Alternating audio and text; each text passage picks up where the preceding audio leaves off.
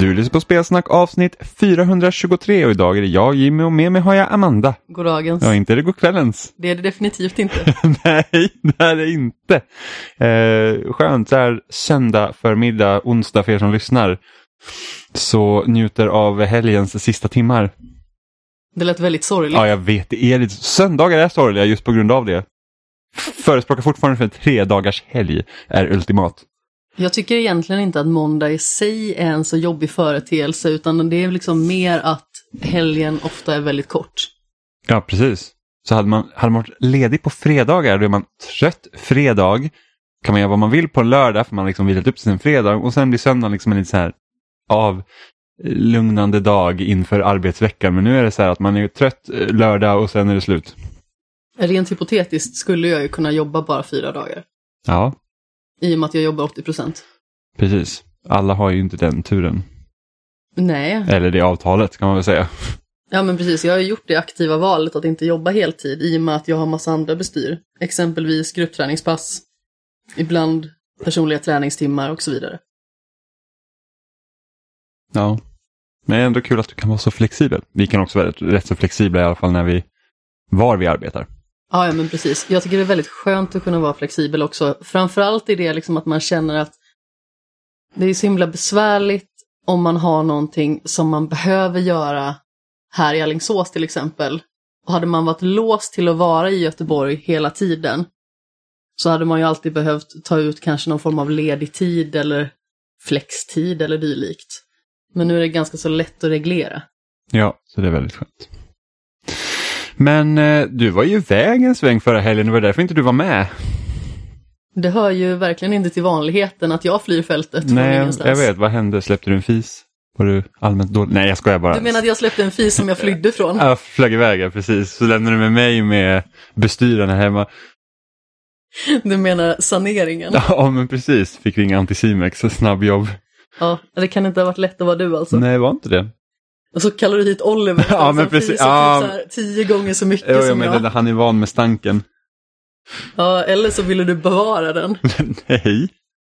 Jag fes inte och det var inte därför jag flydde utan det var helt enkelt så att för första gången på två år så var jag på Retroresan Meetup.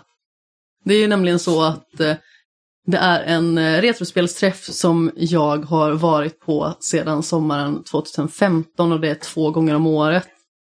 Eh, på sommaren så är det i Garphyttan som ligger utanför Örebro. Och på vintern så är det i Härads bygdegård som alltså ligger utanför Strängnäs. Så då färdas vi ett gäng kompisar dit, bor där under några dagar, spelar videospel, spelar brädspel, har allmänt supertrevligt tillsammans, kramar och ler och så vidare. Och i och med att det har varit en pandemi så har ju inte jag varit där. Så det var faktiskt ganska exakt två år sedan. Och den här sköts till och med på lite granna för den skulle ha varit i februari. Men eh, det var väldigt skönt faktiskt att vara där lite senare. I och med att det är ett ganska så kallt ställe. Mm, Vilken, är det januari det brukar vara annars, eller? Februari. Februari. Mm. Hur kommer det sig att det är på två olika ställen? Jag tror att det var helt enkelt så att det var det som passade bäst. För det är olika personer som liksom har hand om det. Som tar ansvaret för att eh, hyra själva stället Mm. i sig. Så, så folk som bor nära då? Ja, exakt. Så att de kan hämta nycklarna och öppna och kanske ordna lite med de som eh, äger ställena. Mm. Så Kilbergsgården som vi är på på sommaren, det är liksom en stor kollogård egentligen, ute vid en sjö. Så då kan man ju eh, sväva lite mer fritt emellan anläggningarna. Det finns lite stugor, det finns en stor huvudanläggning, det finns eh, två stycken stora längor med fyrmannarum där det är dubbelsängar, inte dubbelsängar utan våningssängar. Och sedan så finns det en badtunna. Så man kan göra lite allt möjligt där. Så det är många som sitter på natten och badar badtunna. Vissa sitter vid en liten lägereld som man har gjort upp. Alltså det är supermysigt. Det är verkligen så här nostalgikänsla på det hela, vilket matchar namnet Retroresan ganska så väl. Så de två år innan jag var med, då var de på två olika ställen. Men det här har liksom blivit väldigt definitivt då det liksom var det ultimata stället på något vis. Och sen så 2016, där eh, vinterträffen, och så var det den första har jag för mig. Så det var väldigt eh, mysigt att hoppa på det tåget direkt och sen har jag liksom varit på varje träff tills corona då drog in över landet. Så det är liksom två år sedan jag träffade alla mina kompisar i den här kretsen. Vilket är ganska så bisarrt, för när man liksom trädde in i den här spelmysvärmen, där det liksom är någon form av eh, varm luft blandat av typ skratt, eh, dryck och eh, jag vet inte, sovfis.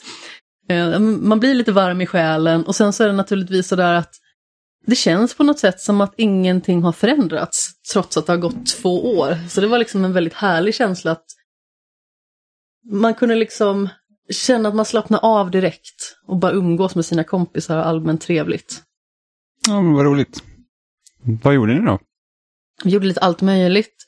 Um, min kompis Tobbe som plockade upp mig här uh, under fredagen, för det är fyra dagar egentligen, men uh, vi var bara där tre dagar. Han plockade upp mig under fredagen, så åkte vi upp dit. Han satt och spelade med en annan gemensam vän som heter Manne, spelade Hyper Metroid. Så jag satt och kollade på det lite granna när de försökte ta sig igenom det. Eh, det fanns ett flipperspel som en annan kille som heter Tobias har med sig, för han är liksom en sån här eh, samlare av olika spännande saker och har alltid någon ny manick liksom med sig som han eh, visar upp som man får testa och han har haft liksom med sig stora lådor med gamla retrospel, som sagt olika typer av manicker som då en eh, arkadmaskin som också var något år. Eh, och sen så finns det en uppsjö brädspel, det är väldigt många som gillar att spela brädspel. Så det är liksom inte bara retrospel den här träffen, utan det är ganska mycket modernt. Och det är ganska så fritt att göra lite vad man vill. Jag själv gick tillbaka till hur det var för några år sedan. När jag var där sist så hade jag ett recensionsexemplar som jag behövde dra igenom, där Ash of Gods, som var så här bootleg banner saga. Så jag spelade igenom det, spelade nästan igenom eh, Kentucky Route Zero. Så då hade jag med mig Playstation 4, men då, i år kände jag liksom så här att efter Horizon har jag inte riktigt kommit upp på en topp att jag har haft ett så sug efter att spela något specifikt spel. Så det kändes onödigt att ta med sig en stor konsol. Så jag tog bara med switchen och Playstation Vita. Så det var några år sedan, jag tror att det var våren 2018, när jag eh, kände mig ganska utarbetad, jag var väldigt stressad och jag var väldigt trött framför allt. Så då tog jag med min Playstation Vita, spelade jättemycket på den och så låg jag ganska så mycket i min bädd och kollade på folk när de spelade. Så då återupplevde jag lite det där med Vitan, som jag tycker är en väldigt härlig konsol. Så jag köpte och laddade ner både Olli Olli, första spelet, och Olli Olli 2, Welcome to Hollywood. Så de tror jag igenom nästan helt och hållet båda två. Sen så finns det ju vissa banor som kanske är knivigare att låsa upp och jag låste inte upp alla banor. Men jag drog igenom liksom det som fanns tillgängligt för mig. Eh, och i och med att jag förälskade mig i Olly Olly World, precis som du, så kändes det väldigt skönt liksom att se var de kommer ifrån. Jag har ju inte testat de här spelen överhuvudtaget innan. Så det var en liten härlig retrotripp på vitan egentligen, som mm. jag fick. Man jag tror jag också att... spelade Olly Olly första gången på vita. Ja. Ehm, men det är en väldigt trevlig maskin. Ja, men jag tror att det funkade ganska enkelt också med jag tycker inte att vitan spakar är jättebra liksom för alla typer av spel, men för Olly Olly funkar den rätt så bra. Eh, just för att det är liksom det här mer, alltså tricksystemet hämtar väldigt mycket inspiration från skate. När man liksom gör tricks med stickan snarare än att man gör knappkombinationer. Ja men precis, och har man inte hört oss prata om Olly Olly tidigare, om man råkade missa det eller de avsnitten, så är det ju liksom en tvådimensionell vy som man utgår ifrån. Där man skatar och gör olika typer av tricks. Man försöker träffa räcken, rampar och så vidare. Säger man rampar? Ramper? Ramper, jag vet inte. Jag vet, jag vet faktiskt inte. Rampor? Nej, ramper ska jag nog säga. Ja, jag tror det också. Det var det som läst bäst i mitt huvud. Skitsamma. Eh, och sen så i de tidigare spelen så finns det inga former av kontrollpunkter på hela vägen. Utan då måste man klara hela banan i ett svep. Och är man tillräckligt skicklig så kan man ju göra liksom långa kombinationer då av tricks, av landningar och sedan få riktigt höga poäng. Ehm, jag kände att det var lättare i Olly Olly World. Det är mycket mer responsivt och eh, smidigt att spela på alla sätt och vis. Men ettan är ganska så rudimentärt liksom. Och, eh, om det finns nose manuals till exempel så har jag inte upptäckt att det finns. Jag har för mig att det ska finnas men jag, jag, kan liksom inte svära säkert på det. För jag tror att när jag spelade Olly Olly World var det, det första jag tänkte, jag bara, hur fan gör man de här jävla manualerna så ja, att man liksom kan länka ihop tricks? Men det finns i tvåan sen. Ah, okay. Men det, det, är mycket mer att det inte kanske fanns i ettan, det är bara precis, att jag vill att minnas att det fanns. Jag försökte göra manuals, för det är ju det jag försökte göra mm. liksom mellan Så att man kan kombinera alla ett helt trick. Exakt. Så det var lite frustrerande där i början för att det tog lite tid att komma in i det. Och sen så var det lite mer smärtfri övergång till Olli Olli 2. Och där var det ju ganska så likt, men det var lite snärtigare, lite smidigare. Det hade de här manualsen som man kan göra både på typ eh, marken och eh, göra lite extra tryck på räcken och dylikt. Så jag tyckte att eh, tvåan var helt klart ett lyft. Sen så båda två är jättebra spel. Jag kände mig verkligen underhållen hela vägen. Och det här är den typen av spel som jag känner att jag har möjlighet att skalla en vägg i. Och inte liksom typ förblöda på köpet, utan jag skallar och skallar tills jag kommer vidare. sen kanske man fastnar på nästa bana igen. Men jag tycker ändå att det finns någon form av rimlighet i det för mig själv. Jag tror att när det gäller till exempel sådana här stora skitkluriga bossar som i Elden Ring eller valfritt Soulsborne-spel så hade jag inte klarat att hantera det lika bra. Bara för att jag är inte så fingerfärdig som många är på det sättet. Utan tvådimensionella spel passar mig väldigt bra på det sättet. Men, eh, ja, men det var väldigt härligt att gå tillbaka till det i alla fall. Och sen så eh, var jag faktiskt med och spelade lite brädspel. Det var liksom inte ett brädspel som, alltså, sådana här stora åbäken. Utan det var ett litet kortspel som heter Kill Your Babies. Vad är det för någonting? Det är egentligen någon form av Herre på täppan-spel som då i det här fallet. Jag tror att man kan skapa liksom olika typer av grunder till det här spelet. Så var det i alla fall olika typer av spel. Så det fanns till exempel Breath of the Wild, Nier Automata och så vidare. En uppsjö spel i alla fall som man då lägger ut på bordet på varandra. Så det är ett kort i varje hög som pekar neråt ett kort som pekar uppåt så är de liksom utlagda i par. Och sedan så sitter man i en ring eller hur man nu sitter. Och när turen kommer till mig, då frågar jag nästa person om ett spel. Det kan vara taktiskt att det är ett spel jag vill ha bort. Det kan vara taktiskt att den här personen kanske håller med mig om det här spelet, att man vill ha kvar det.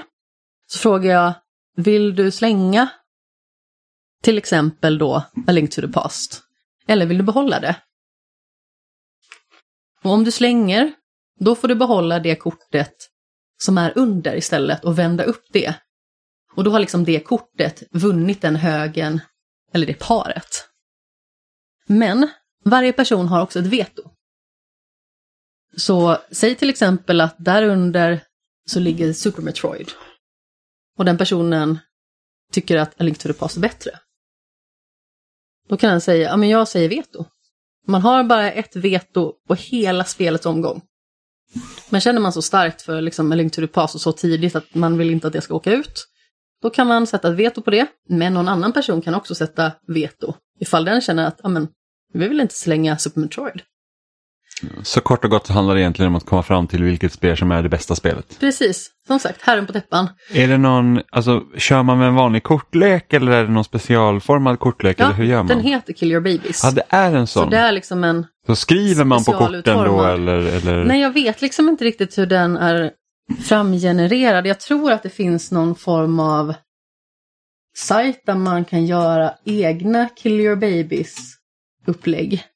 Men jag är lite osäker, jag kommer inte riktigt ihåg. Men som sagt, jag försökte söka på det lite innan. Men det är väldigt trivsamt och det är väldigt roligt och det kan bli väldigt härligt liksom agg i gruppen. Naturligtvis på en liksom barnslig och skämtsam nivå. Men då i alla fall när man har gått igenom alla korten första vändan, när det liksom bara finns en i varje hög, då lägger man upp dem igen i par. Och så fortsätter man så tills det bara är tre kort kvar. Och då är det det kortet som ligger i mitten är uppvänt och de andra två är nedvända. Då får man liksom välja vilket som man vill ha. Okej. Okay. Så det är väldigt roligt och um, det är ganska så jämställt också i det att det finns liksom ingen som kan slå ut någon annan på det sättet, utan det är liksom väldigt mycket tur att kommer det liksom till en själv vid rätt tidpunkt så kan man ju göra ganska så mycket för spelet. Men samma gäller ju för alla andra personer. Eh, och där man har mest bestämmande rätt är väl egentligen liksom när man själv då frågar någon annan.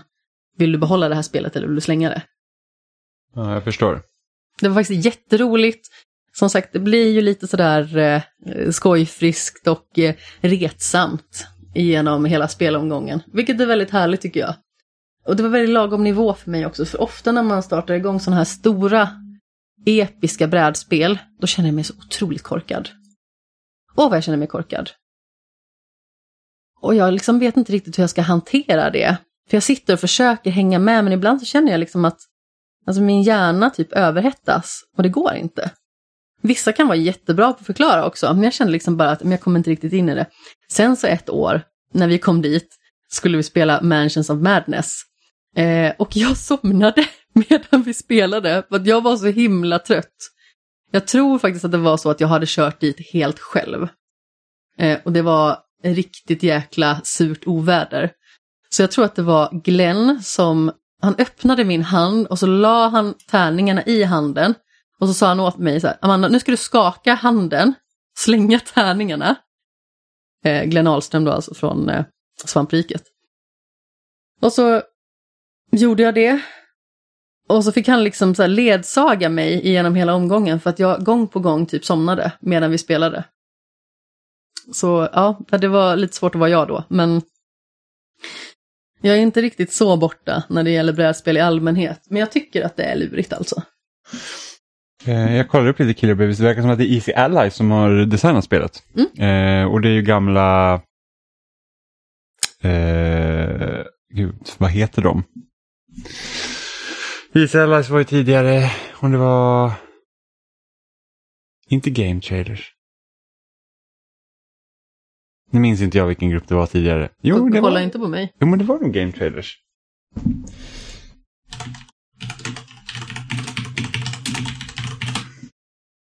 Hur som haver, det var ett väldigt trevligt upplägg. Det är lätt att förstå och jag tror att alla som har någorlunda koll på spel, eh, både lite koll på moderna och även lite retro till exempel.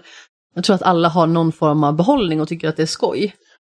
Ja, men man kan köpa det från Roostit-affären. Eh, kostar 160 spänn just nu, så det var ju rätt så billigt. Det kanske man ska slå till på så att man har.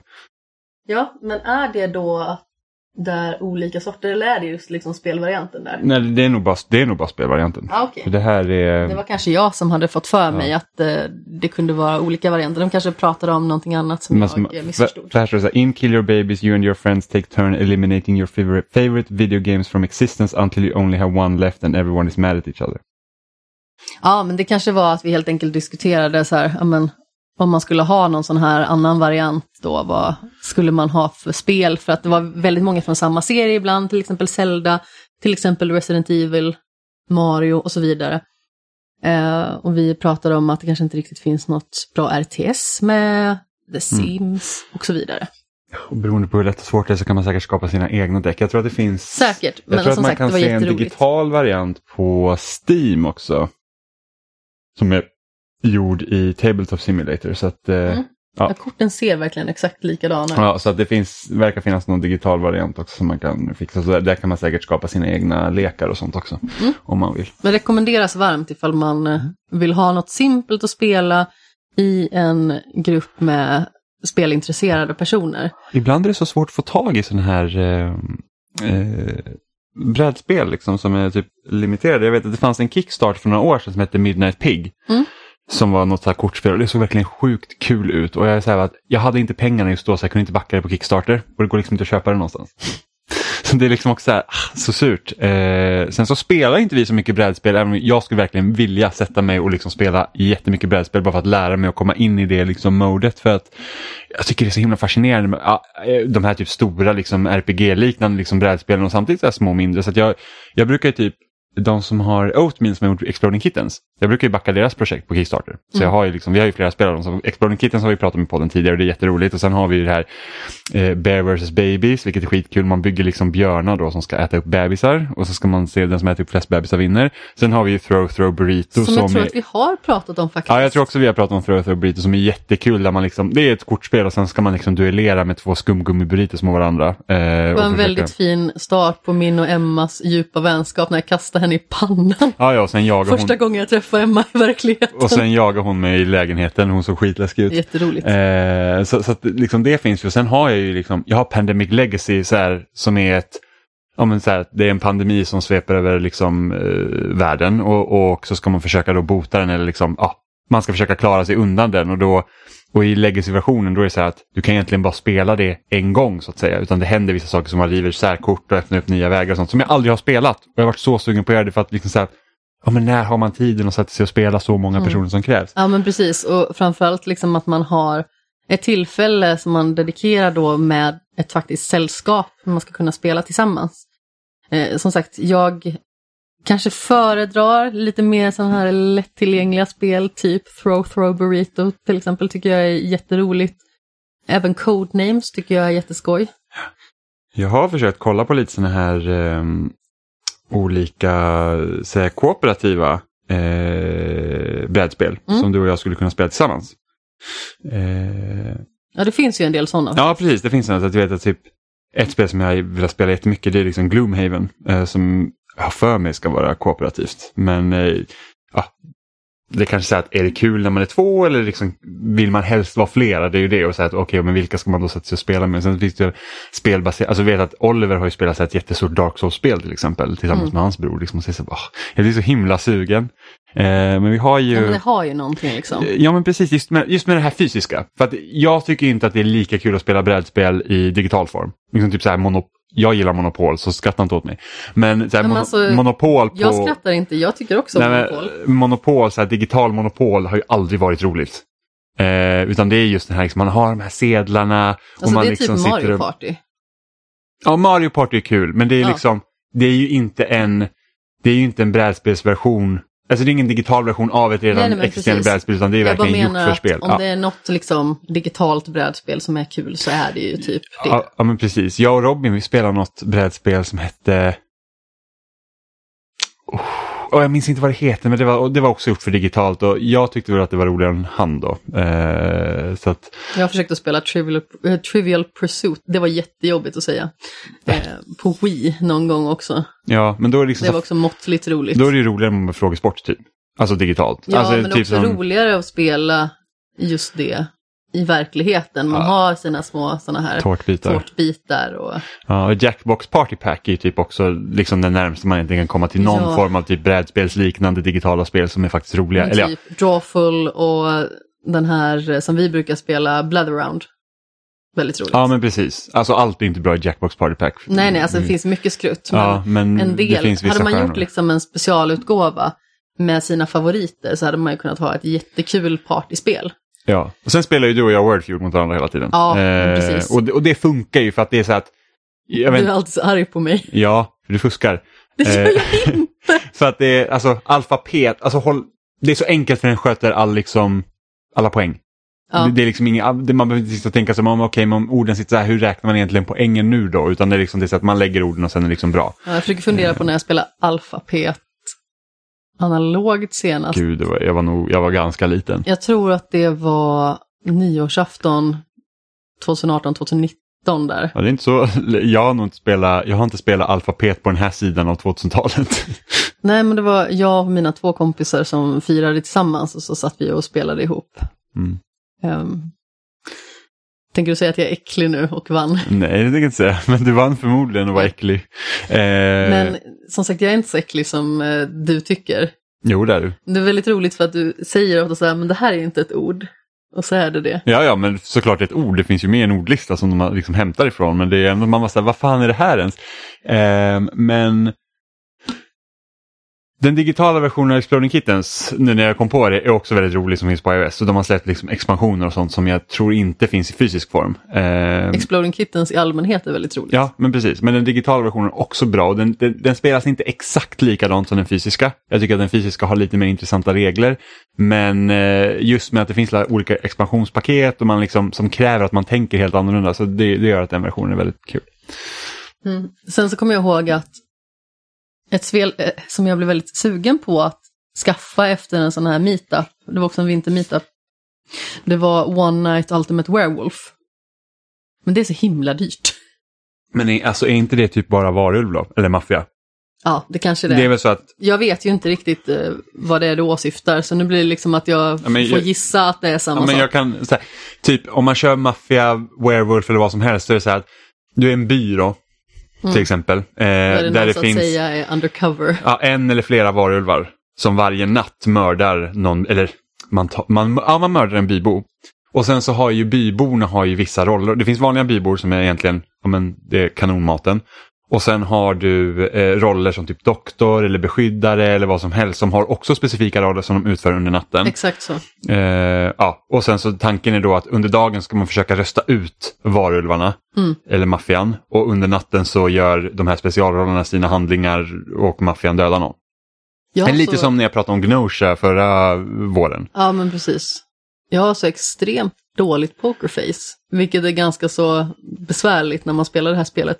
Vilket gjorde att jag till slut gjorde tvärtom. Så att jag försökte få folk att liksom göra mig misstänkt. För att jag skulle kunna spela ut dem på det viset. Bara för att folk inte skulle veta riktigt vad jag, vad jag var för någonstans eller vad de hade mig. Men vad är det då när man får, vad får man då i det här liksom brädspelspaketet som man, måste, som man inte kan göra utan det? För att vi har ju kört typ Varulv och Maffia på, ja vi har gjort det på forum som jag varit med, alltså Nintendo-forumet så hade vi alltid så här pågående maffiatrådar där man liksom skrev någon story och sen så fick man liksom, folk skickade PM till varandra och så här, vad som hände. Eh, och sen har han varit på spelträffar som man kört och då har han inte haft något spel utan då, då bara bestämmer man roller och sen så får man liksom sitta in i ett rum i en ring och liksom sådär. Jag kommer inte riktigt ihåg hur det var men jag tror att vi hade kort. Mm, Okej, okay. säkert så rollbeskrivningar och sånt som man inte liksom är kanske van att hitta på sånt själv. Vi hittar ja, ju på precis. egna roller och sånt. Sen finns det ett, finns en... Du bara, ah, jag vill vara cirkusartist. Nej men det är jätteroligt. Och sen så finns det, det finns, fanns en webbsida den kanske finns fortfarande, där man också kunde spela med andra människor, eh, liksom online. Eh, jobbiga var ju bara det att det fanns de här speciella fraserna, så här, typ att, ja men, säg att du är doktorn typ, då kommer du liksom få så här, okej okay, du var doktorn, du gjorde det här under natten. Och så ska man liksom, om någon liksom frågar dig, ja men vad fick du för svar? Liksom, och tar det för lång tid för dig att skriva då den här strängen eller kopiera och klistra in, då, då, då, liksom, då misstänker du det automatiskt för att liksom, när det är så datasystem, då är det så att okej okay, men det ska gå så fort för att du vet precis vad du håller på med. Jag hade en kompis, han skrev ett skript i sin webbläsare som, så att han liksom automatiskt bara kunde välja så här, vilket meddelande han ville skicka ut då. Så att liksom ingen skulle kunna misstänka honom. Vilken skurk. Ja, så att det, ja, men det är väldigt kul. Men jag skulle någon gång vilja bjuda in Thomas Engström som är brädspelsexpert till podden och prata om brädspel. Eh, jag har haft det jag har funderat på det här i flera år faktiskt. Det har bara liksom inte blivit av. Eh, han recenserar spel på Youtube, så Konrad Dargo. Mm. Eh, och även redaktionskollega på Loading eh, innan eh, Reset Media gav det till oss. Då. Så att eh, det hade varit jättekul bara liksom så här, ja men Ja, men bara prata brädspel. Liksom, mm. så, ja, men hur, hur, är det liksom för att vi är ändå noviser inom, alltså, inte ens noviser, jag kan ingenting om brädspel i princip. Jag, jag tycker om att spela Monopol. Eh, och så här, att, ja, men vad, vad liksom, om vi vill spela kooperativa spel, hur ska vi börja? Men ändå kanske vill ha lite större äventyr och liksom, vad är bra? Liksom. Mm. Även eh, våra vänner Peter och Caroline har ju spelat väldigt mycket. Ja, men det är så. Då så. Eh, för det är liksom bara, alltså, det, det är bara så jävla, alltså bara så här, jag skulle vilja så här, gå all in, bara köpa, köpa ett så stort bord och bara så här, här har vi vårt brädspelsbord. ja, precis. Det, det, det, är på den nivån jag skulle vilja liksom spela brädspel. Mm, det blir lite knivigt för då får vi inte plats att bo här. Ja, ja, nej, nej, men sen när vi har vårt potentiella hus så kan vi ha så här, liksom, bion i källaren och så har vi brädspelsrummet intill. Börjas det igen mm. med planerna? Jajamän. Så det, men det hade bara varit så himla kul att ha folk som också är intresserade av brädspel. Liksom bara så att, ja, men nu är det här brädspelet, ska vi liksom bara lära oss och det behöver inte liksom vara så avancerat som Dungeons and Dragons, liksom att man har så en Dungeon Master och sen så liksom måste man typ sitta och skriva manus eh, flera veckor innan och liksom komma på ett riktigt bra spel. För det är ju också liksom en skill att kunna liksom leda ett spel bra. Men liksom bara så här olika typer av brädspel för att det det känns som att det liksom för min egen del, mitt spelintresse, så känns det som att det är ett stort hål där som bara fattas som jag liksom inte eh, har koll på, som jag gärna skulle vilja ha koll på, för jag tycker brädspel är väldigt kul. Det var en av mina favoritdelar när vi såg iZombie. När de spelade rollspel och eh, Detective Babinov blev alldeles så här indragen i det och eh, eh, han blir liksom så uppslukad av sin roll.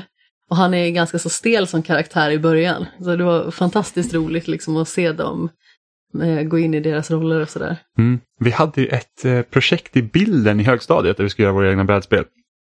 Så jag och mina kompisar såklart gjorde något så här skitavancerat liksom, eh, stort spel. Vi hade liksom så flera så A, A3-papper ihop liksom tejpade med så rutnät och grejer. Vi, skapade, alltså, vi höll på med det där projektet i åtta månader. Det blev aldrig klart såklart. Eh, men vi fick bra liksom, på den tiden vi hade, för det var ambitiöst. Jag gjorde ett eget Scooby-Doo-brädspel när jag var liten. Ja, det kan man också göra. Jag tror mitt favoritspel när vi var små, det var typ så här travspelet. Som var skitkul, så man liksom köpte hästar Snacka om och att vara indoktrinerad. Ja, ja, precis. Så man köpte hästar och tränade dem och jag kommer ihåg min syrra. Alltså, det gick så, alltid så dåligt för mig av någon anledning när man är liten. Jag vet inte varför man liksom för det är tär, man, man kastar tärningar och så typ så här, ett då är det galopp och får man tre galopper så blir man ju diskad såklart och sen sex då får man liksom slå två gånger då. Du bara, åh jag är bra på Yatzy. Nej nej, jag var inte bra, alltså jag förlorade hela tiden. Och, och, Nej, vet, men jag skojade. och sen logiken när man är liten det är ju den här också typ att, ah, nej men det är klart att jag förlorar för att min syrra har den bättre hästen. Alltså de här plastfigurerna. Liksom, figurerna. det och hon bara så här, nej det funkar inte så envis som man är när man är liten. Eller ja, som jag fortfarande är, men envis som man är då. Jag bara nej och blir skitsur. Liksom. Eh, men travspel, jag vet inte om det görs. Jag tror att det var någon Kickstarter-utgåva för några år sedan när de liksom gjorde så här nyutgåva av travspelet. Men det hade jag också velat haft. För det är faktiskt väldigt kul. Kommer ihåg, jag kommer ihåg en, en häst som var så här skitbra. Isolde hette den. Gult kort. Eller så här gul siffra. Så, ja men det var roligt. Sen skapade vi egna hästar och liksom rita och grejer. Nu när jag nämnde jak när jag nämnde Yatzy så kom jag att tänka på en gammal sån här inspelad film från när jag var liten när vi var iväg på skidsemester och min bror och hans kompis också var med. Och det var liksom så här tradition väldigt länge på semestrar att vi spelade Yatzy till inom citationstecken fikat, vilket är typ ja, men, lite snacks, lite oliver, lite tilltugg, lite ost kanske. Eh, och då har vi i alla fall fångat när båda de här grabbarna då har förlorat och är jättedåliga förlorare för att de har spelat Yatzy. Och så säger min mamma, alla är så sura på mig för att jag är så bra på Yatzy. Yatzy är dock väldigt roligt. Det är väldigt roligt, men det är ju väldigt mycket tur. Alltså, ja, det så finns ju det. något form av strategiskt element. Ja men speciellt om man kör så att vi kör inte bara alla på rad utan så att här är första delen, här får du välja. Och då är det klart, där kommer man vara strategiskt också. Liksom att, Ja, vi okej, har ju nu- haft att man kör hela och så får man välja. Vi har ju väldigt sällan kört rak Yatzy. Ja, äh, vi brukar inte heller köra rak Yatzy ibland, men så kör man, för den, den är uppdelad liksom i två delar. Mm. Så du har ju 1 till 6 först och sen har du alla de här specialerna par, två par, tretal, fyrtal. Kåk. Eh, kåk, precis. Och sen så har vi, för att man får ju bonus om man kommer över en viss poäng om jag har för mig det rätt. Man får 50. Det är rätt så sjukt egentligen, så här, bara, ah, men du har fått över den här poängen, nu får du 50 poäng i bonus. Ja. Så att man bara drar ifrån ännu mer. Ja, det är lite märkligt. Men, men, jätte... men ah, jag skulle verkligen vilja djupdyka mer i brädspel. Men det är bara att det är svårt att få till. Nu drar jag iväg lite till på barndomen och nostalgin. Eh, när jag var liten kunde inte jag säga R, det kan jag ju knappt fortfarande. Men med en mamma från Blekinge och eh, med en pappa från Skåne så blir det inte lätt va? Och det slutade liksom med att ibland så tillskrev jag olika ord R utan att de faktiskt var med. Så satt vi och spelade Yatzy en gång och eh, enligt utsago så slår jag tre av samma och två stycken andra av samma. Och säger då, jag tar det på kork. Då trodde du att det fanns ett R där Jag trodde att min mamma bara inte kunde säga kork. Ja, det är faktiskt väldigt roligt.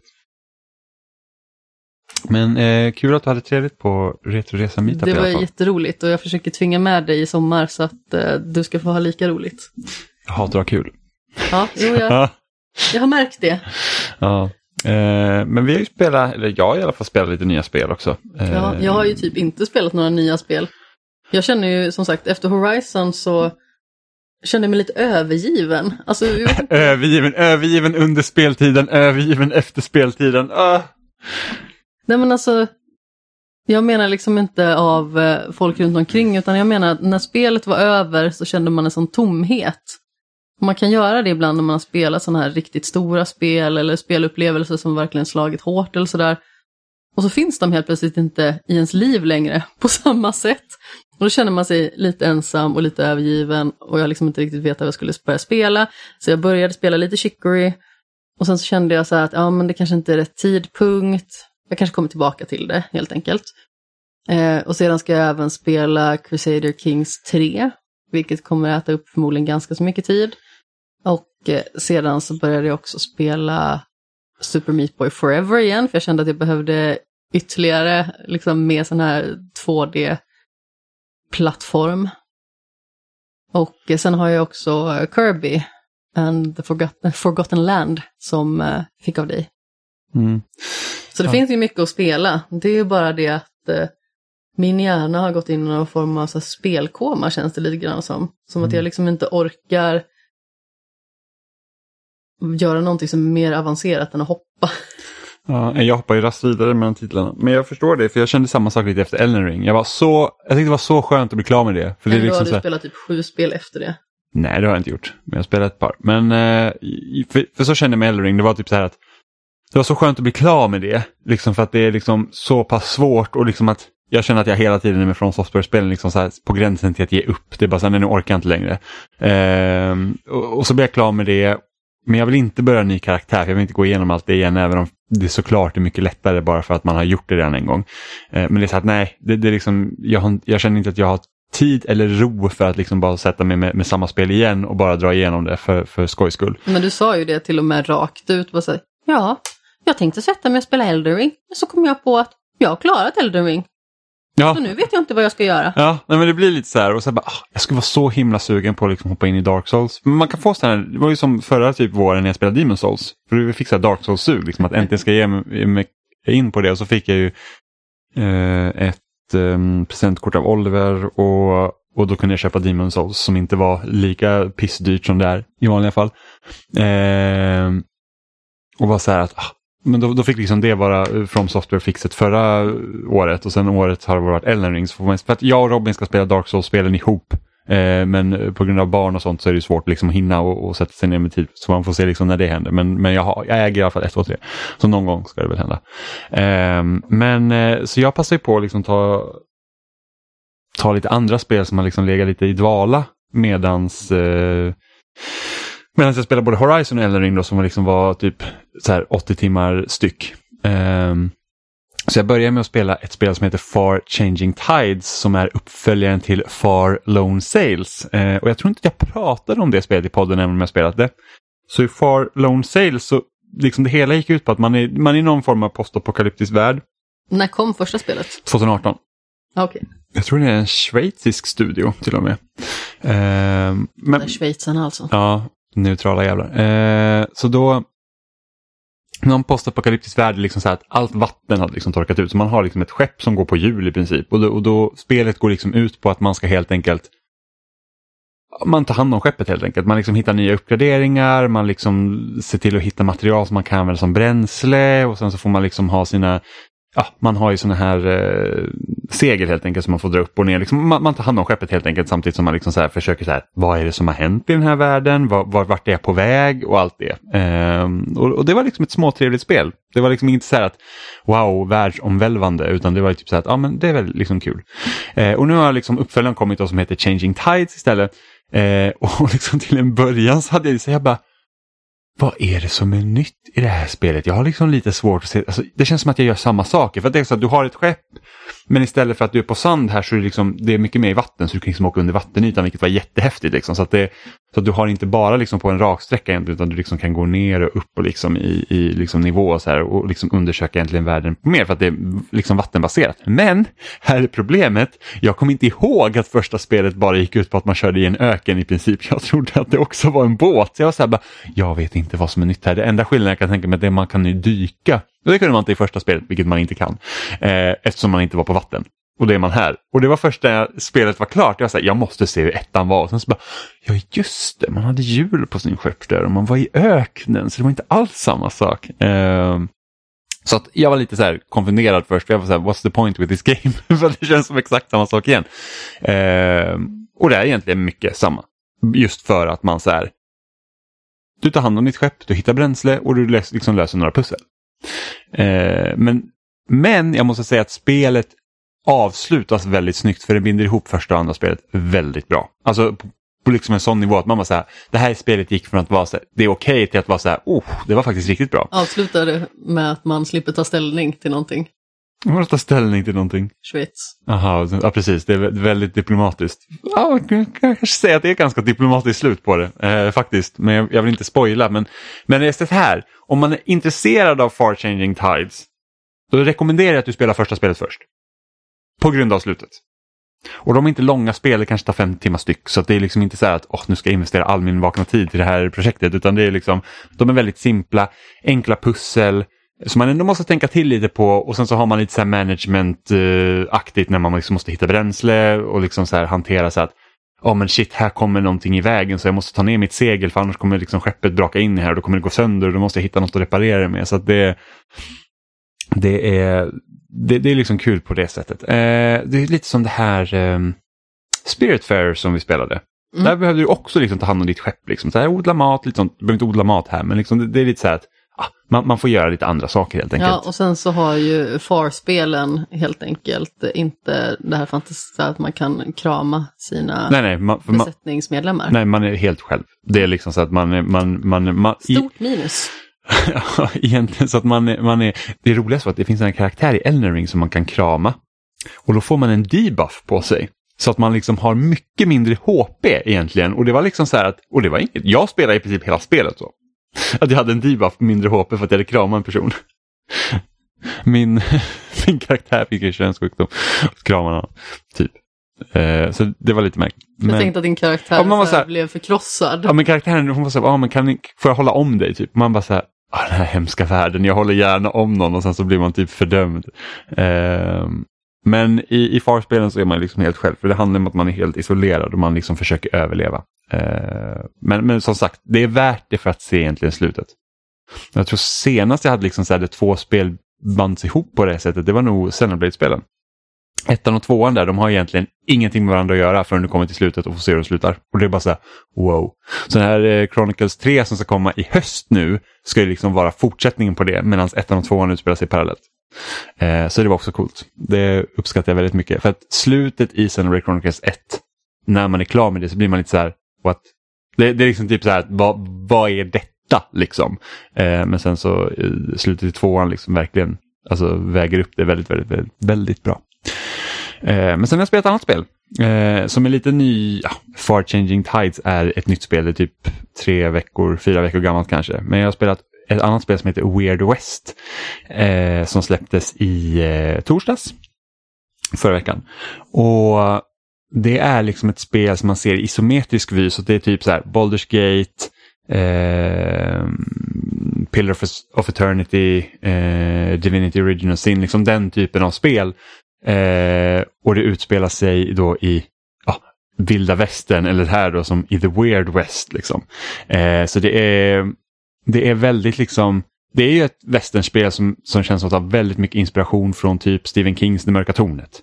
Eh, för att när man börjar så spelar man som en, en kvinna som heter Jane Bell. Eh, man har något konstigt liksom, märke typ på ena axeln.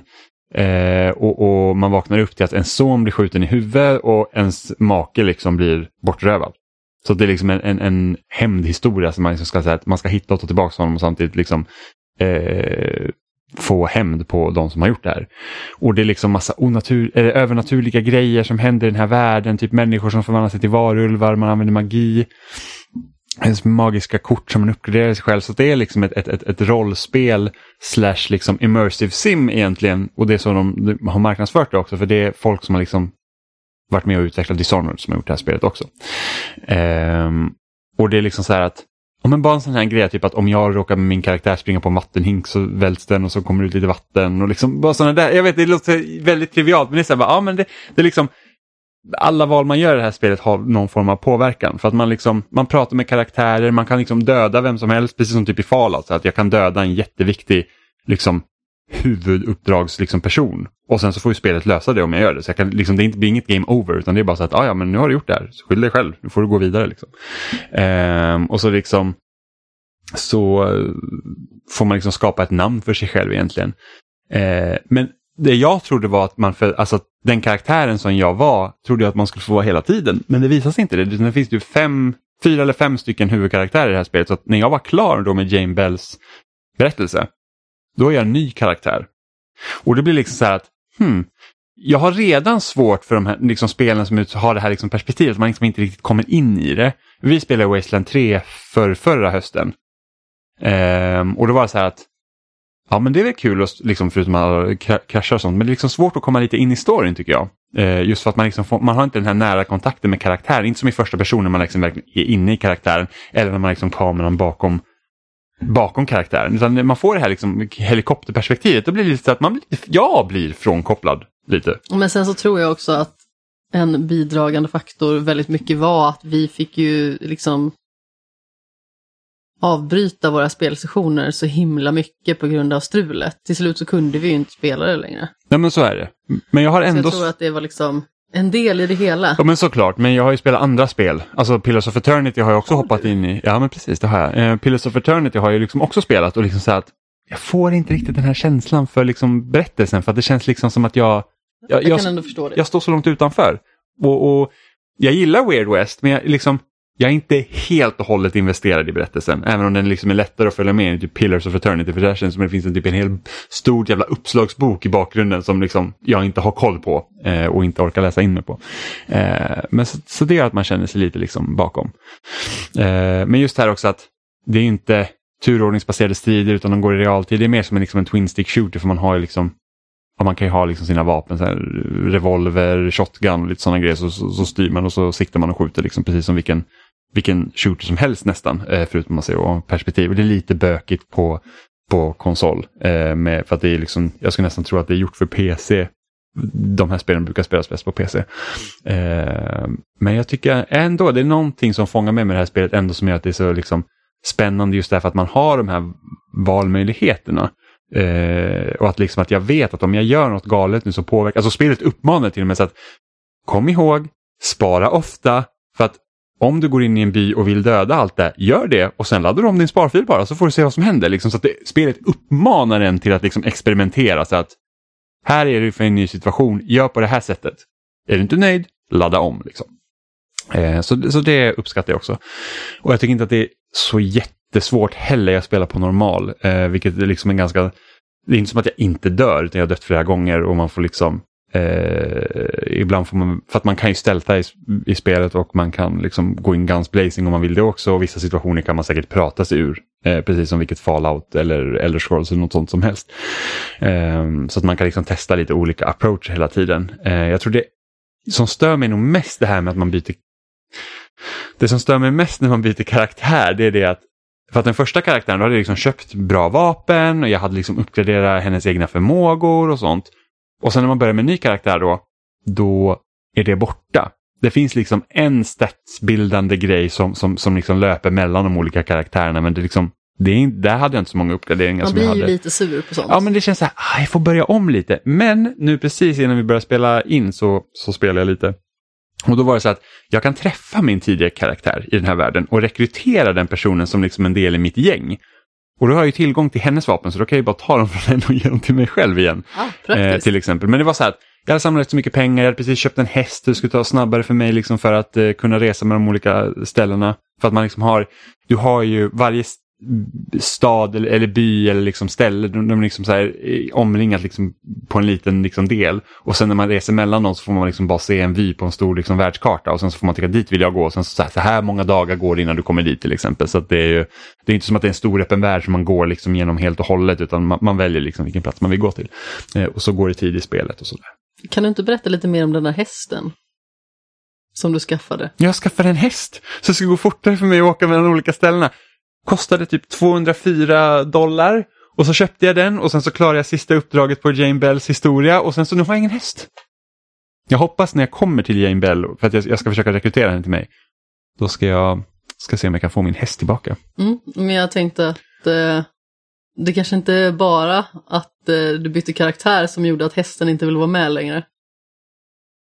Ja, ja, nej, okej, det var inte min häst. Men det här är också en sån här grej som är så himla konstig, i, eller ja, konstig i det här spelet, men just det här att be, allt som man gör i spelet har ju någon form av påverkan. Så att jag, jag stod, jag hade precis kommit in i den här liksom, typ staden som jag skulle in i och lämnat in några bounties och så står jag liksom på en liten men veranda till liksom eh, sheriffens kontor.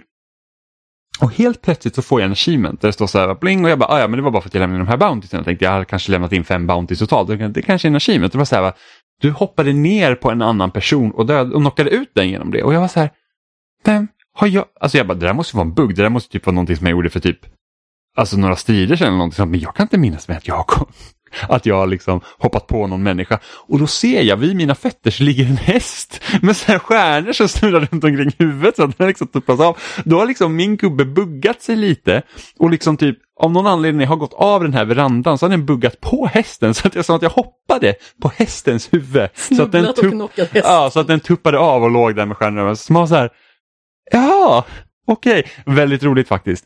Eh, och det är väl en annan grej i det här spelet, det finns ga- ganska många buggar. Eh, liksom så här, typ att fiender dyker upp där de inte var helt plötsligt eller typ att när man laddar om sparfiler så, så ändrar liksom Alltså fienden ändrar position till exempel. Så att när man har man en Bounty till exempel, då ska man liksom till ett specifikt ställe och här finns då den här du ska mörda eller fånga in eller något sånt. Eh, och då är det så här att ena stunden så kan, för då får man så här en liten orange markör ovanför sig. Och ena stunden så är det en person som har den markören. Man bara, ah, men vad bra, då vet jag ungefär hur den här ser ut. Laddar om, nu är det någon annan person som är den här personen. Så att då liksom byter den liksom då, by, då byter den helt och hållet att nu är den här personen någon annan och då är så bara, aha, men då är det jättesvårt att planera eller när man liksom ska göra om saker.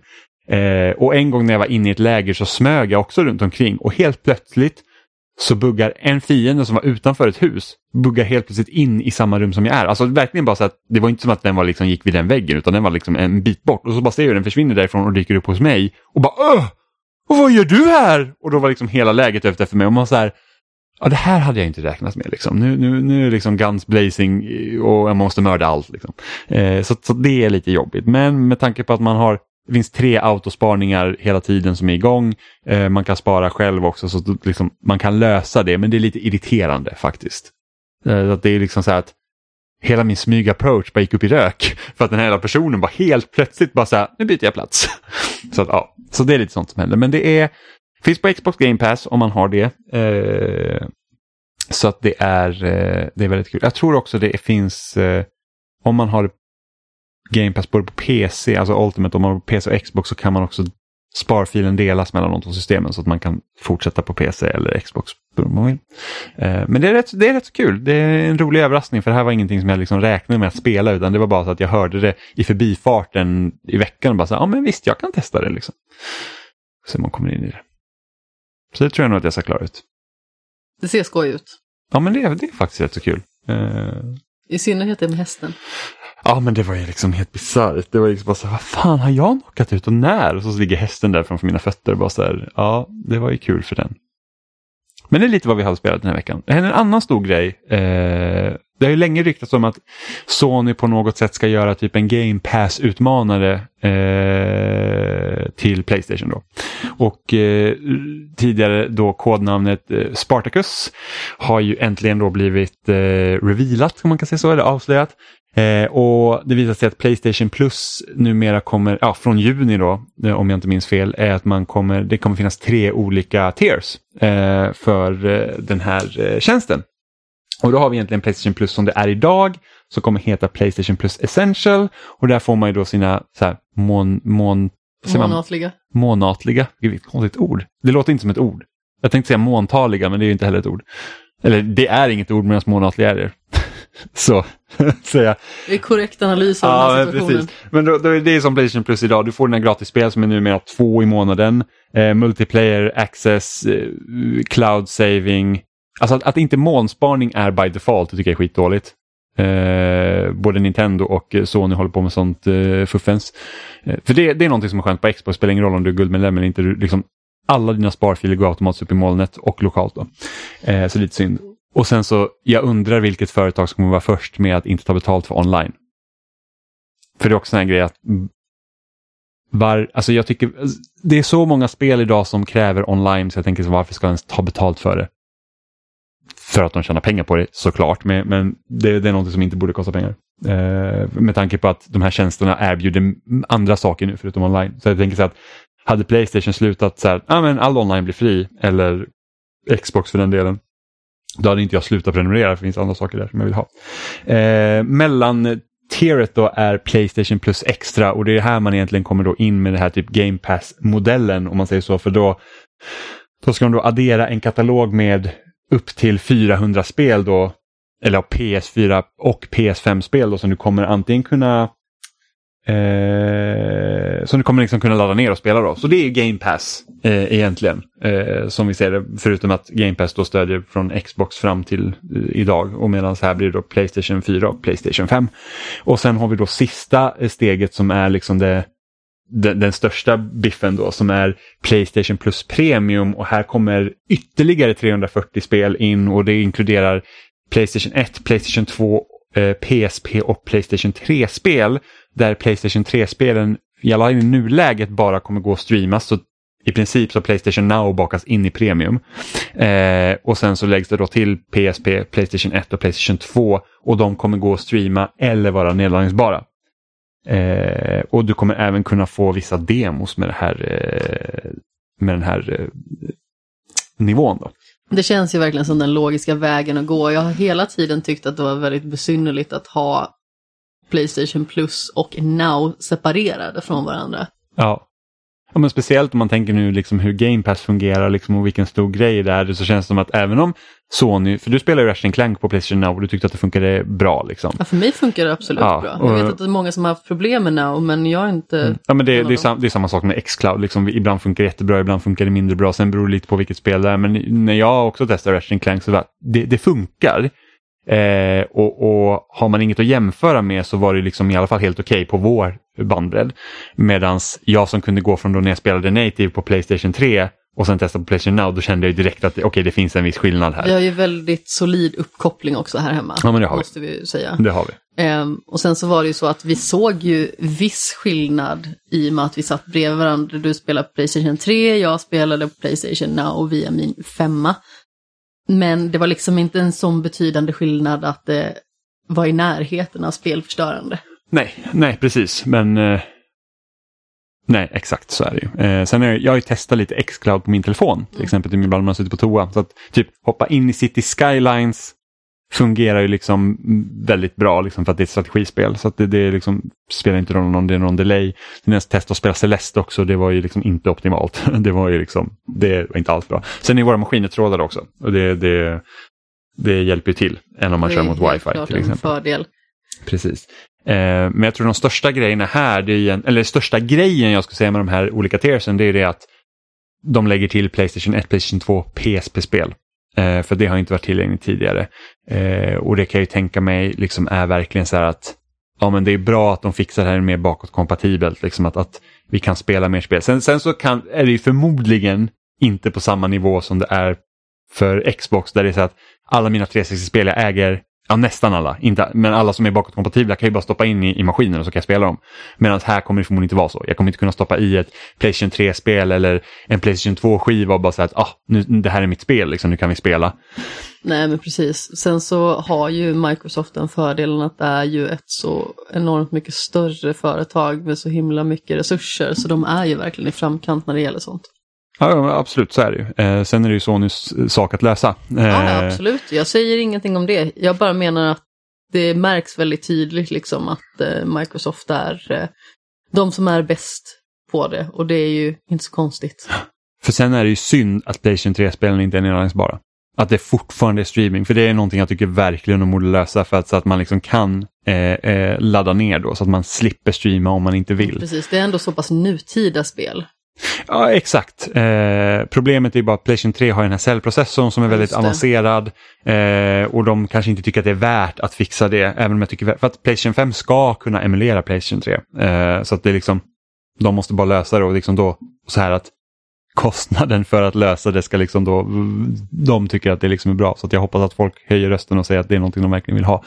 Sen är det ju andra frågan här, för vi vet ju inte vad det är för spel som kommer finnas på den här tjänsten. För att jag var så här, när det ryktades om att det här skulle komma så var jag så att ja, men visst, jag hade inte haft något pro problem egentligen att hoppa upp i premium tier liksom och få tillgång till alla de här spelen. Men sen vill jag säga att jag vet inte vad ens vad det är för spel som kommer komma på den här tjänsten så jag vet inte om det är värt det. Och sen den andra frågan, kommer de köra Microsoft-vägen här? Att de här Playstation 1, 2 och PSP-spelen, kommer det gå att köpa dem? Eller är det enbart låst i prenumerationstjänsten? För att på Xbox så är det så att ja visst, jag, är ju, jag har ju Game Pass och jag kan ladda ner spelen därifrån. Men jag kan ju köpa 360-spel, jag kan köpa Xbox 1-spel och äga dem. På Switch till exempel, då kan man inte köpa NES eller SNES eller 364-spelen utan de är ju helt bundna till prenumerations, prenumerationstjänsten. Eh, och det finns liksom inget, det finns ingen möjlighet ens att köpa loss dem. Så jag undrar om det vad, vilken väg kommer de ta här? Liksom säg att Parasite Eve kommer på, på den här tjänsten och jag bara så här, åh det vill jag spela. Kommer jag behöva då signa upp mig och prenumerera eller kommer jag kunna köpa Parasite Eve för sig självt? Förmodligen det förstnämnda. Ja, det tror jag också. För att de vill ha folk att prenumerera. Det är liksom, jag tror att de, liksom, de, de satsar mer på att nej men du ska prenumerera, då får du tillgång till de här spelen. För hade jag kunnat köpa dem så faller det lite. Ja men såklart att de gör det. De ser ju liksom hur bra det har gått för Xbox prenumerationstjänster. Jo, fast samtidigt så du kan fortfarande köpa spelen på Xbox. Jo, jo, absolut. Men å andra sidan så kan man ju undra hur många det är som köper som har Game Pass. De... Alltså av de spelen liksom som finns där. Sen kanske det är något spel som man märker att okej, okay, det här kommer försvinna och det vill jag jättegärna behålla. Ja, jo, men precis och då får man en discount på den också mm. på Xbox. Men, men Microsoft gick ut med siffror i samband nu med GDC. Och då sa de det att folk som prenumererar på Game Pass, de spenderar mer pengar på spel än de som inte gör det. Eh, just, och det tror jag liksom går hand i hand lite det här med att när du redan betalar en månadssumma och får liksom en stor katalog av spel så testar du också fler spel, hitta mer du gillar och det gör att du liksom hela tiden liksom så här utökar. Liksom. Man känner också att man får mer valuta för pengarna. Ja, men också att oh, men det här är ett spel jag har testat och jag skulle vilja, det här är ett annat spel som liknar kanske det spelet eller det här är en genre som jag börjar tycka om men det finns inte på Game Pass så kanske man köper det spelet. Och sen tror jag det gynnar spel som har och VFA mikrotransaktioner i sig. Liksom att okej, okay, jag betalar redan för Game Pass. Här är ett spel som är online multiplayer som jag tycker väldigt mycket om. Då spenderar man kanske lite pengar på kosmetiska grejer eller vad som helst. Liksom. Ja, men så... sen så naturligtvis är det ju sådär också att säga att du prenumererar på Game Pass och så spelar du fyra spel i månaden. Då får man ändå tänka, vad kostar Game Pass? 169 va? Ja, ja lite drygt det. Ja men precis. Och då har du fyra spel som du har spelat för 169 kronor. Då kan man nog känna ganska så väl att man kan unna sig det där extra spelet. I och med att man ja, har precis. sparat in så mycket på de fyra spelen som man har spelat. Ja men precis, och det är så här att titta på, på liksom Microsofts egna spel då du har du spel för så 700 spänn som släpps dag ett på Game Pass. Eh, och då finns det också utrymme liksom för att istället för att slänga ut 700, spel, eller 700 kronor här så är det så här att ah, jag kan spendera 200 kronor på det här mindre spelet eller 400 kronor på det här mindre spelet. Mm. Eh, sen så finns det ju massa spel som jag kanske, för jag är ändå sån, jag brukar köpa ändå rätt så mycket spel, jag har gjort det alltid liksom. Mm. Eh, även innan jag hade Game Pass, då var det så att, ja ah, men här är ett litet spel jag vill spela, jag köper det och sen så testar jag. Och nu har det liksom blivit så här att, ja, det som kommer på Game Pass jag vill spela, det spelar jag. Och kommer det något spel jag vill köpa så köper jag det. Jag sitter inte och väntar på att det kommer på Game Pass heller, utan det är så att, för att eftersom vi poddar och vi skriver om spel och allt det vi gör, mm. så då är det bra att man liksom är på tårna hela tiden. Men, men det är liksom så att jag hade kanske inte spelat Far Changing Tides nu om det inte fanns på Game Pass till exempel. För att jag säger att okej, okay, jag har inte tid med det just nu så jag köper inte bara för att köpa. Uh... Nej men exakt, och jag drar mig inte heller från att köpa spel. Verkligen inte. Jag föredrar ju någonstans fortfarande att spela på Playstation 5. Men jag har ju alla tre så nutida konsoler. Mm. Så jag har ju liksom all möjlighet och jag prenumererar också på Game Pass. Så det ger ju väldigt mycket möjligheter, helt klart. Ja. Men nu känner jag, om man inte har spelat Unpacking och bara har Playstation, så kommer det komma till Playstation i år. Vi vet inte dock om det kommer komma till den här tjänsten, bara så att vi inte förväxlar nej, nej, men precis, jag vill bara säga det. Men det är ett spel som jag spelade via Game Pass. Och jag tyckte att det var så himla roligt och älskade det så himla mycket, så jag är ju villig att köpa det igen.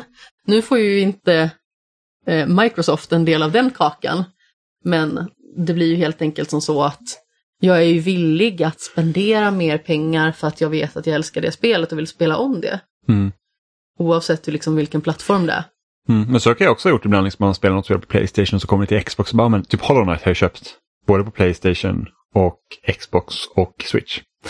Uh, jag, jag har Disco Elysium har på PC, Playstation 5 och du har inte spelat det på någon Xbox. av dem? Nej det har jag inte gjort faktiskt men jag äger alla tre. Um, så att det, det är ju, så att, för jag var, jag, jag var inte förtjust i Game Pass när det kom uh, för flera år sedan.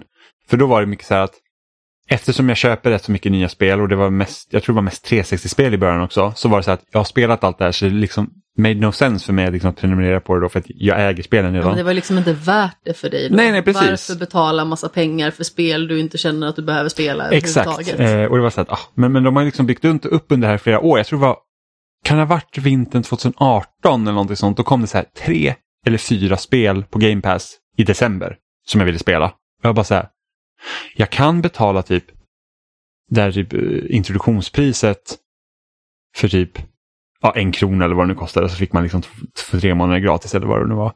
Eh, eller så kan jag liksom köpa de här spelen för totalt 800-900 spänn. Jag var så här, men då tar jag Game Pass nu och sen dess har det liksom bara rullat på för att det, det kommer, just som att de har gjort det här med att det kommer liksom dag ett releaser. Det är inte bara gamla, gamla spel och speciellt nu när, när Microsoft har köpt upp massa studios nu eh, med spel som man vill spela och det kommer komma liksom dag ett på Game Pass. Då känns det ju verkligen så att har man en Xbox så känns det verkligen som att ja, men det känns ganska, det känns liksom ekonomiskt försvarbart mm. att prenumerera på tjänsten. Ja, men precis. Jag borde definitivt spela mycket mer på Xbox för det finns massa spel där som jag vill spela. Men sen så blir det liksom att man fastnar lite i ett ekosystem ibland. Mm. Men jag borde verkligen försöka ta mig i kragen och ta mig an de spelen som finns där som jag vill spela. Och som jag faktiskt har laddat ner, jag har gjort det med en herrans massa. Men däremot så kommer jag ju spela Crusader Kings 3 på Xbox. Ja. Eh, sen får man ju då se hur den här tjänsten utvecklar sig på Playstation. För att som det ser ut just nu med de här liksom som jag har, eh, som, som vi har läst upp nu, då. det, det, är liksom, det jag känner är mest sugen på här, det är ju retrospelen. Alltså Playstation 1, 2 och PSP. Eh, snarare än liksom de nya, för att jag har, jag har ju liksom Game Pass. Så att liksom jag får ändå en prenumerationstjänst med sp nya spel. Eh, och, och då får man liksom bara säga så här, att vad är det vad är det då värt på, på liksom Playstation? Och som sagt, kommer det gå att köpa de här retrospelen också? Då kommer jag vara så att ja, men då kanske inte heller finns någon anledning för mig att, att liksom betala för den här tjänsten. För att Det som skiljer nu väldigt mycket Game Pass och den här nya tjänsten åt, det är det att Sony kommer ju inte släppa sina titlar dag ett. Nej. Eh, vi vet inte liksom så här, när kommer Horizon Forbidden West på den här tjänsten? Det kanske först om ett år, kanske först om två år. Vi har liksom ingen aning om det. Eh, sen kan ju det ändras också över tid. Vi får ju liksom se hur det här urartar sig. För jag vet ju inte liksom så här att det finns ju också konsekvenser med att man gör Microsoft-modellen. Och det, jag tror jag pratade om det tidigare, liksom så att kanske man skapar en viss typ av spel om det liksom ska vara för att fånga in folk på Game Pass. För att det är så att ta ett spel som Last of Us till exempel som är singleplayer-spel utan multiplayer. Du, du signar upp dig då, säger att du spelar det och sen är du klar. Medan så alltså, tittar man då på vad Microsoft spelar, du har Halo Infinite multiplayer, Forza Horizons multiplayer, eh, Sea of Thieves till exempel, spel som hela tiden håller igång. Så det gör så att då prenumererar kanske för att just kunna spela de här spelen online hela tiden som hela tiden får nytt material också. Så att det är liksom det, det finns ju alltid liksom risker med sådana här liksom tjänster blir så stora och liksom det blir normen. Då får man liksom se också vad, vad, vad, vad kommer hända. Eh, för sen så också det har ju Sony sagt att de är mer intresserade också av att göra de här live service-spelen. Liksom att de, vad vi pratade om för några veckor sedan också var att de hade väl x antal spel planerade fram till typ 2024 eller 2025 som skulle vara live service och ja, idag precis. har de liksom ingen och då vet vi liksom att de har köpt Bungie som gör Destiny. Eh, de har Factions på gång eh, för Last of Us. Eh, jag tror att Insomniac har eh, rekryterats för någon multiplayer-upplevelse så att det är liksom och den här studion som de köpte alldeles nyss eh, som är det Jade Raymonds nya studio som hade något partnerskap med dem som de köpte nu.